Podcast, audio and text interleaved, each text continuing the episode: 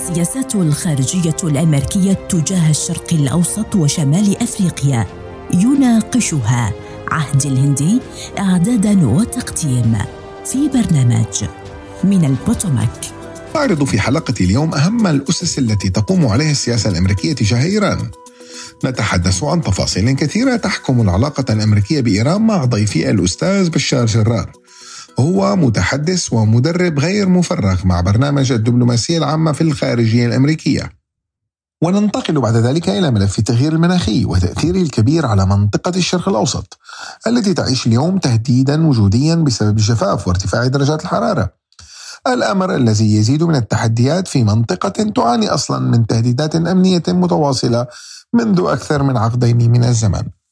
ونبدأ حلقتنا من واشنطن مع ضيف الحلقة بشار جرار. السيد جرار سؤالي لك حول نظرة صانع القرار الأمريكي حاليا لإيران وميليشياتها في المنطقة. وما هو الخلاف بالحقيقة السياسي بين الحزب الديمقراطي والحزب الجمهوري فيما يتعلق بالسياسة الإيرانية في المنطقة؟ فيما يخص صانع القرار هذه الأهمية بأنها صنع القرار قضية تتعلق في المؤسسات. صحيح أن للحزبين رؤية خاصة فيما يتعلق بالسياسة الخارجية وخاصة في التعامل مع الدول التي توصف بأنها مارقة وأدواتها أدوات الإرهاب. القصة تتعلق بكيف تتعامل مع هذا الخطر الذي يهدد مصالح الأمن القومي وأيضا مصالح الدول الصديقة والشريكة. في إقليم مهم مثل الشرق الأوسط يتعلق في قضايا تمس الناخب الأمريكي في الصميم قضايا أمن الطاقة. بالتالي الرؤى واحدة سواء لدى الجمهوريين أو الديمقراطيين. إيران مصدر خطر حقيقي والتعامل معه يتوقف على استخدام عناصر القوة. هنا التباين بين قضية الاحتواء أم الإزالة الكاملة لهذا الخطر والأمر متعلق بحسابات دقيقة. هل يتم القضاء على هذا الخطر أو توظيف الخطر بما يسمح بإعادة تشكيل خارطة التوازنات الإقليمية؟ من هنا فإن النظر إلى طهران لا يبتعد كثيرا عن العلاقة مع دول الخليج من جهة وإسرائيل من جهة أخرى. يعني كما تحدثت أن كل الأطراف في أمريكا ترى بأن إيران هي مصدر خطر حقيقي. على الأمن القومي الأمريكي. طيب ما هي الأولوية الأمريكية تجاه إيران؟ هل معالجة الملف النووي الإيراني بالدرجة الأولى أم موضوع برنامج المسيرات أم الصواريخ البالستية؟ مسألة السلاح النووي أمر منهي وعليه إجماع ليس فقط أمريكي وإنما دولي. الإجماع على عدم السماح لإيران بامتلاك سلاح نووي يتجاوز واشنطن وحلفائها في الأطلسي إلى حتى ما نعتقد بأنهم في حالة عداء مطلق كالعلاقة مع موسكو وبكين. هناك إجماع في ضمان أمن إسرائيل ودول أخرى في الإقليم على رأس الدول المنتجة للنفط يتقدمها السعودية والإمارات.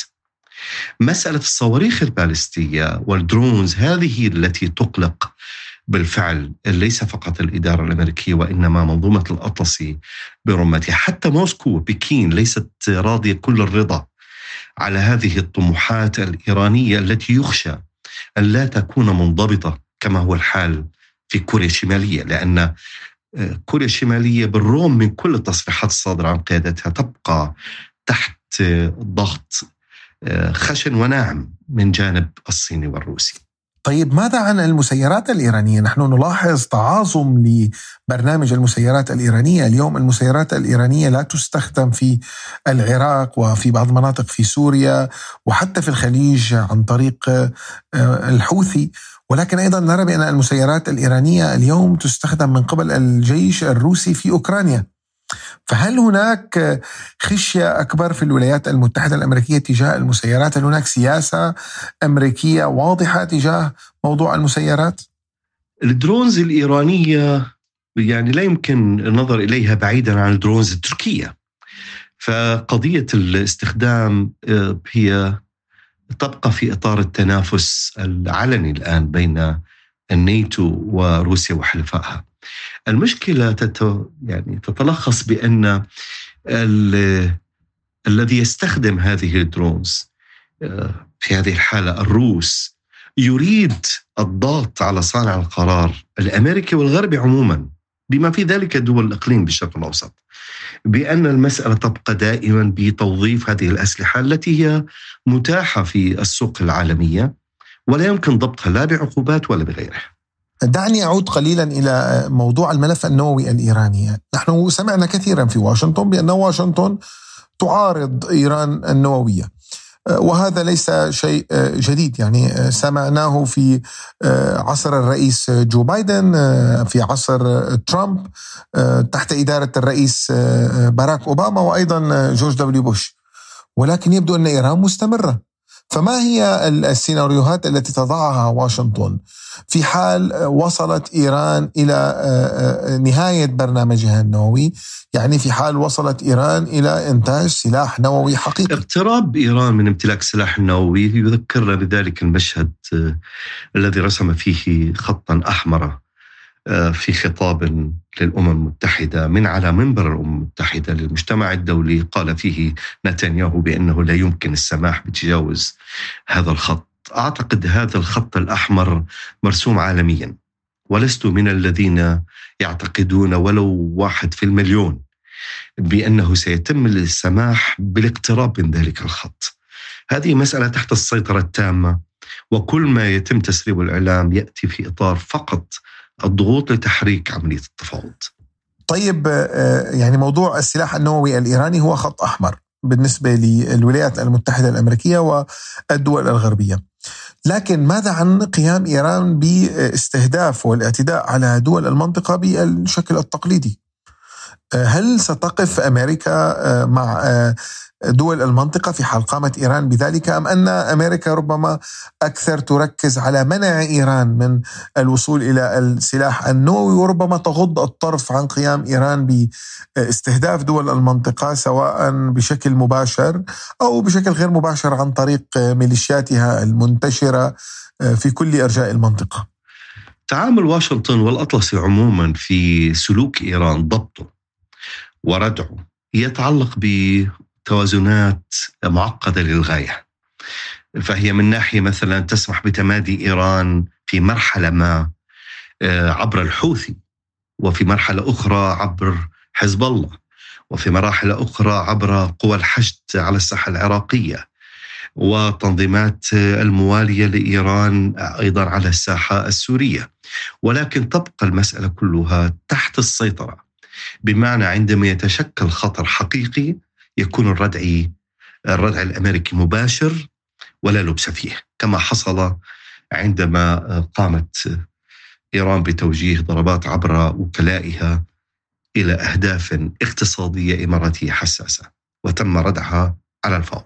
أه، نسمع أحيانا من هنا في واشنطن بأن اداره الرئيس جو بايدن تعمل على توسيع الاتفاقيات الإبراهيمية كطريقه للرد على إيران وتحصين دول المنطقة ليكونوا قادرين على احتواء ومجابهه الخطر الإيراني. آه، فما هي سياسة بايدن؟ هل هذا اولا صحيح؟ وما هي سياسة الرئيس الأمريكي جو بايدن تجاه الاتفاقية الإبراهيمية؟ توسيع اتفاقات إبراهيمية اولا تعني اعتراف وإقرار إدارة بايدن إدارة أوباما الثالثة بأن الرئيس ترامب كان لديه أسباب موضوعية للتحرك في هذا المسار. الآن الاقتراب من الإعلان عن breakthrough بمعنى اختراق كبير في موضوع التطبيع السعودي الإسرائيلي هذا سينعكس ليس فقط على دول اقليم الشرق الأوسط وإنما على العالم الإسلامي برمته لما تتمتع به السعودية من ثقل روحي وسياسي.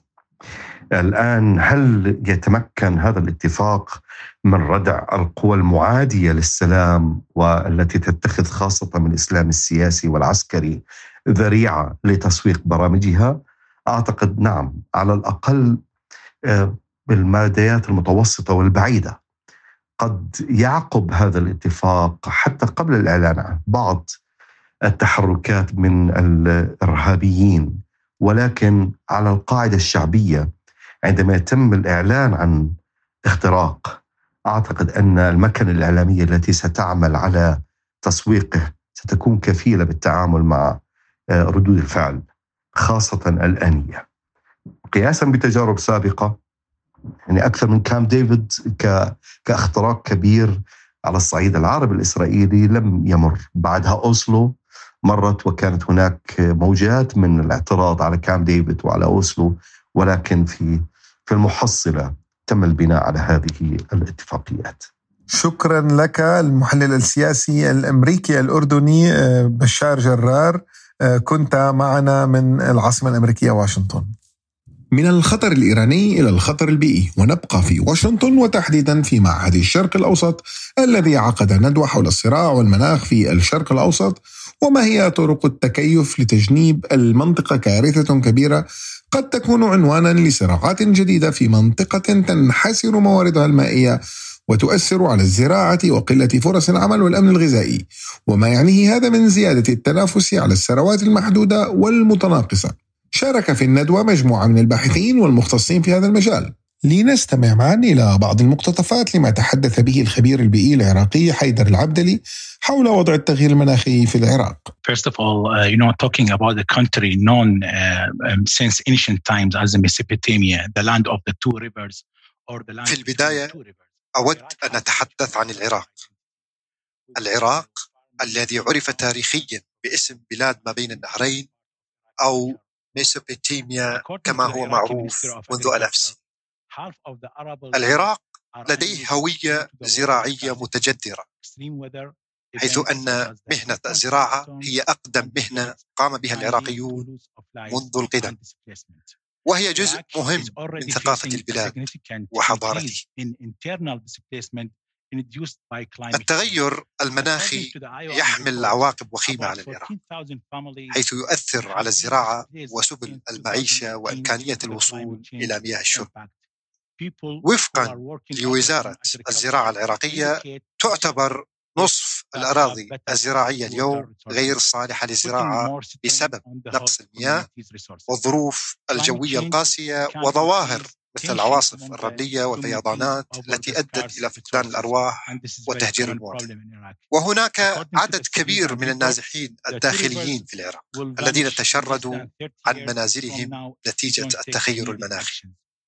ووفقا لتقرير منظمة الهجرة الدولية تم تشريد ما يقارب من 14 ألف عائلة بسبب تأثيرات التغير المناخي المواطنون العاملون في القطاع الزراعي انتقلوا من مناطق إقامتهم الأصلية بحثا عن مناطق تتوفر فيها المياه.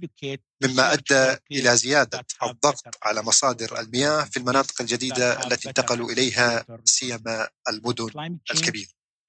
التغير المناخي يسهم أيضا في خلق توترات بين المجتمعات المختلفة نتيجة نقص الموارد وهذه مشكلة أصبحت شائعة في العراق وفقا للعديد من الأبحاث والدراسات من المتوقع أن يتلاشى نهراء دجلة والفرات خلال ثلاثين عاما إذا لم تتخذ الإجراءات اللازمة هذا. The two rivers will vanish in less than 30 years from now if we don't take the needed action. والآن إلى ميغن فيراراندو الباحثة في شؤون المياه والمناخ والخبيرة في الملف السوري وكلمتها في الندوة حول أزمة المناخ في سوريا وتأثيرها بالصراع وتأثيره عليها. Uh, Syria has lost on average 40% of its access to, to water. خسرت سوريا ما يقارب الأربعين بالمئة من إمكانية الوصول للثروات المائية فيها وهذا بسبب الصراع العنفي وتدمير البنى التحتية المائية ومحطات المياه سواء كان ذلك بشكل مقصود أم غير مقصود. والموضوع أيضا متعلق بالإرهاصات الاقتصادية من الوجود ضمن صراع بات عمره 12 عاما. فهناك حوالي 12 عاما من تآكل الاقتصاد تدريجيا ومن قدرة المواطنون على التعافي من الصدمات. ففيما يتعلق بقطاع المياه نرى أن الاقتصاد تفتت والأسعار الأسعار ارتفعت وهذا أدى إلى ارتفاع أسعار الوقود وبالتالي إلى أزمة كهرباء في البلد. والكهرباء كما نعرف ضرورية من أجل أن تعمل قطاعات الخدمات العامة بالشكل الصحيح ومنها قطاع المياه. مما أدى إلى إضعاف قدرة المواطنين على الوصول إلى المياه. وفوق كل هذا هناك مشكلة الجفاف التي نشهدها منذ ثلاث سنوات حيث أن فصول الصيف الثلاث الأخيرة كانت أسوأ فصول الجفاف في كل تاريخ سوريا. وسوريا تشبه العراق في هذا حيث أن البلدين يعتمدان بشكل كبير على الزراعة. كل هذا كان له إرهاصات كبيرة على فرص العمل وعلى الأمن الغذائي للمواطنين. Uh, so it's had a very strong impact both on people's jobs and on people's uh, food security. وصلنا إلى نهاية حلقة اليوم شكرا لكم أعزائي المستمعين مستمعينا الأكارم كنتم مع عهد الهندي وبرنامج من البوتوماك